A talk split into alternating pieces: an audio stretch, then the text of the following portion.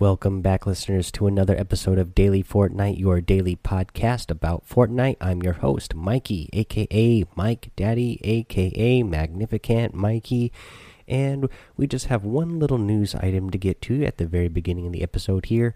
And this is tweeted about two hours ago uh, from the Fortnite team. Um, they say, due to a bug Due to a bug with the shopping cart, we're temporarily disabling it until we have a fix. We'll update you once the issue is resolved. Um, so, no update yet, so it hasn't res resolved up to this point. So, just keep an eye out for that on Twitter. Uh, the shopping carts have um, been disabled for the time being. Um, again, I at this point myself i haven't really used them a whole lot i mean i used them a lot when they first uh, got introduced because it was a fun item to play with um, Otherwise, I don't ever really use them that often. Um, if you need to get across the map, again, it's something that you can use to get across the map really quickly.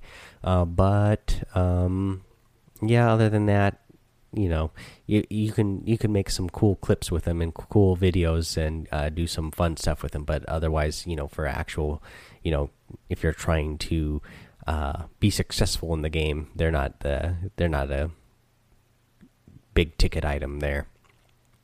Um, let's see here. Um, we have uh another challenge this week that I want to help you out with, and the one I want to help you out with this week is finding the treasure, uh, following the treasure map found at uh, Pleasant Park. And uh, this one's fairly simple. Uh, it's pretty easy to find. If you go um, to Pleasant Park, you know, and you go in the house, you'll find the map. But again, as we know, uh, if you if you've listened to previous episodes, it is not even necessary to find the map. The map just gives you the clue. But I'm going to tell you uh, the clue now. So if you look at the map, there is um, a little design uh, that it might be hard to tell uh, what it is if you're you know not super familiar with Fortnite. But if you look closely at it, it is uh, a it is shaped like uh, the outline of Tilted Towers, like the roads at Tilted Tower.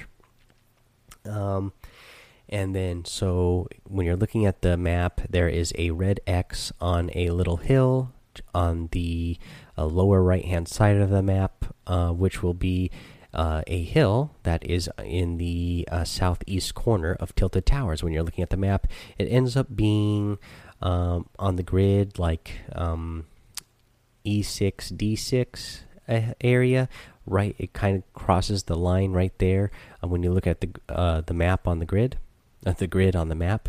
And um, yeah you just land on that hill and again it's just like any of the normal ones that we've done this before. When you're going to search for something there's usually a little uh, you know there's a grassy area and there happens to be a dead pet a dead patch of grass and that's where you're going to find that one and that's going to get you uh, that challenge done for this week. And then let's see here. Um, yeah, everything else that we have this week uh, is pretty pretty straightforward, but uh, again, so now I've given you the two hardest ones. You know, finding those uh, soccer fields, and uh, now uh, finding the treasure map. Again, just just right outside of tilted towers. And for this one i suggest um, you know most people are going to go land inside of tilted towers. Most people who go land on this hill right now are all going to be going there to get that star for that challenge once they figure out where it is. Um, so it's pretty easy to get pretty simple. Most people there if you land there they're not going to have a weapon so it's easy to pick up.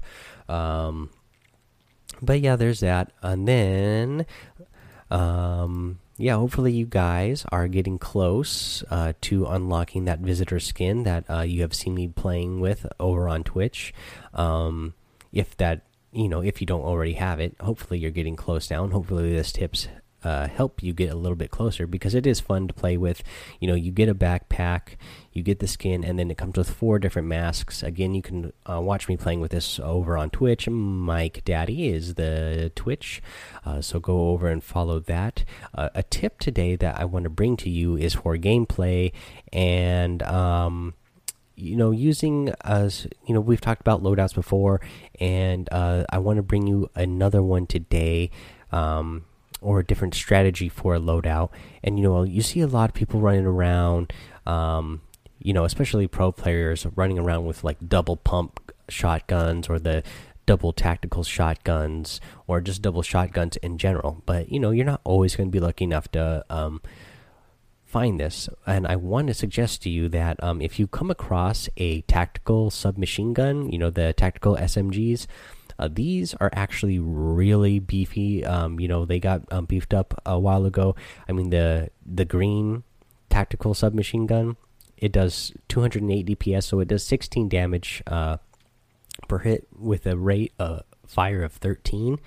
Uh, so you can do a lot of damage. Uh, you know, again, 208 per second. So you know you can if you if you land all your hits, um, you you can take somebody out with the weakest tactical submachine machine gun, and then again, if you get the uh, the next one up. So you have uncommon. So the next one up is rare. If you get that one done, if you pick up that one, uh, you'll take them down even faster. And then, of course, you can pick up an epic uh, tactical submachine gun, and then you take them down even faster. Um, but yeah, these are actually, I feel like they're really underutilized guns right now, uh, and they have been for a while. They still are, uh, but they're actually pretty powerful, especially now that recently we got the um, shotgun nerfs where. Um, you know they're not doing as much damage as they were before. You know they they lowered the damage and they lowered the um, the headshot multipliers as well. Uh, so uh, yeah, I would suggest like picking up those tactical SMGs and uh, getting you know practicing with them, shooting with them, and getting good with them. Um, it is a good strategy to use. You can even so you know the problem is with the pump shotgun too is that you know it has a really really slow rate of fire 0.7 seconds um, i mean 0.7 uh, shots uh, per second so you can't you know it takes you you know almost almost uh, half seconds you know just to get ready for your next uh, shot to be able to get off two shots.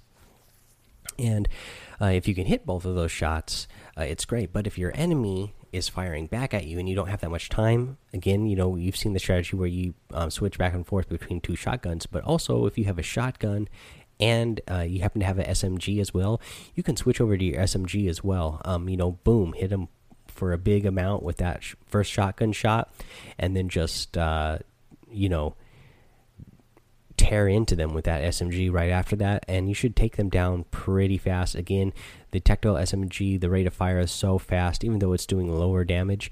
Uh, as long as you uh, you know have been practicing and you're getting a little bit better with your aim, or you already have good aim, uh, especially if you're playing with console, if you've got good aim, um, you know you're going to be able to do damage so quickly with those uh, tactical SMGs that I really would suggest, you know, it's a good alternative uh, to a shotgun if you don't have a shotgun or if you're just not confident with your uh, shotgun skills yet. I would definitely pick up those tactical SMGs.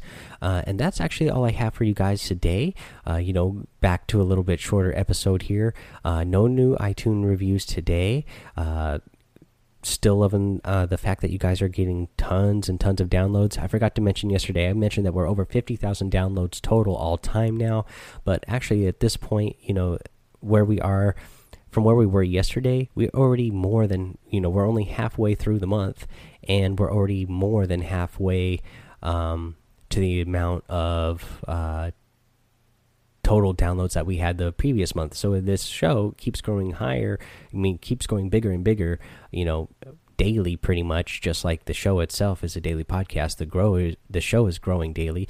So i really appreciate everything you guys are doing. Make sure you head over to those itunes and leave those five star reviews and written reviews so you can um, you know get a shout out here on the show. Make sure you follow me over on twitch and on twitter uh, so you can get all the latest news about what's going on with the show and whenever i'm going live on twitch which i'm about to do here in a few minutes uh, after uploading this episode. Uh, so by the time you know, if you're if you have that Anchor app and you want to use that call in, uh, when I publish this to Anchor, it pretty much goes up instantly.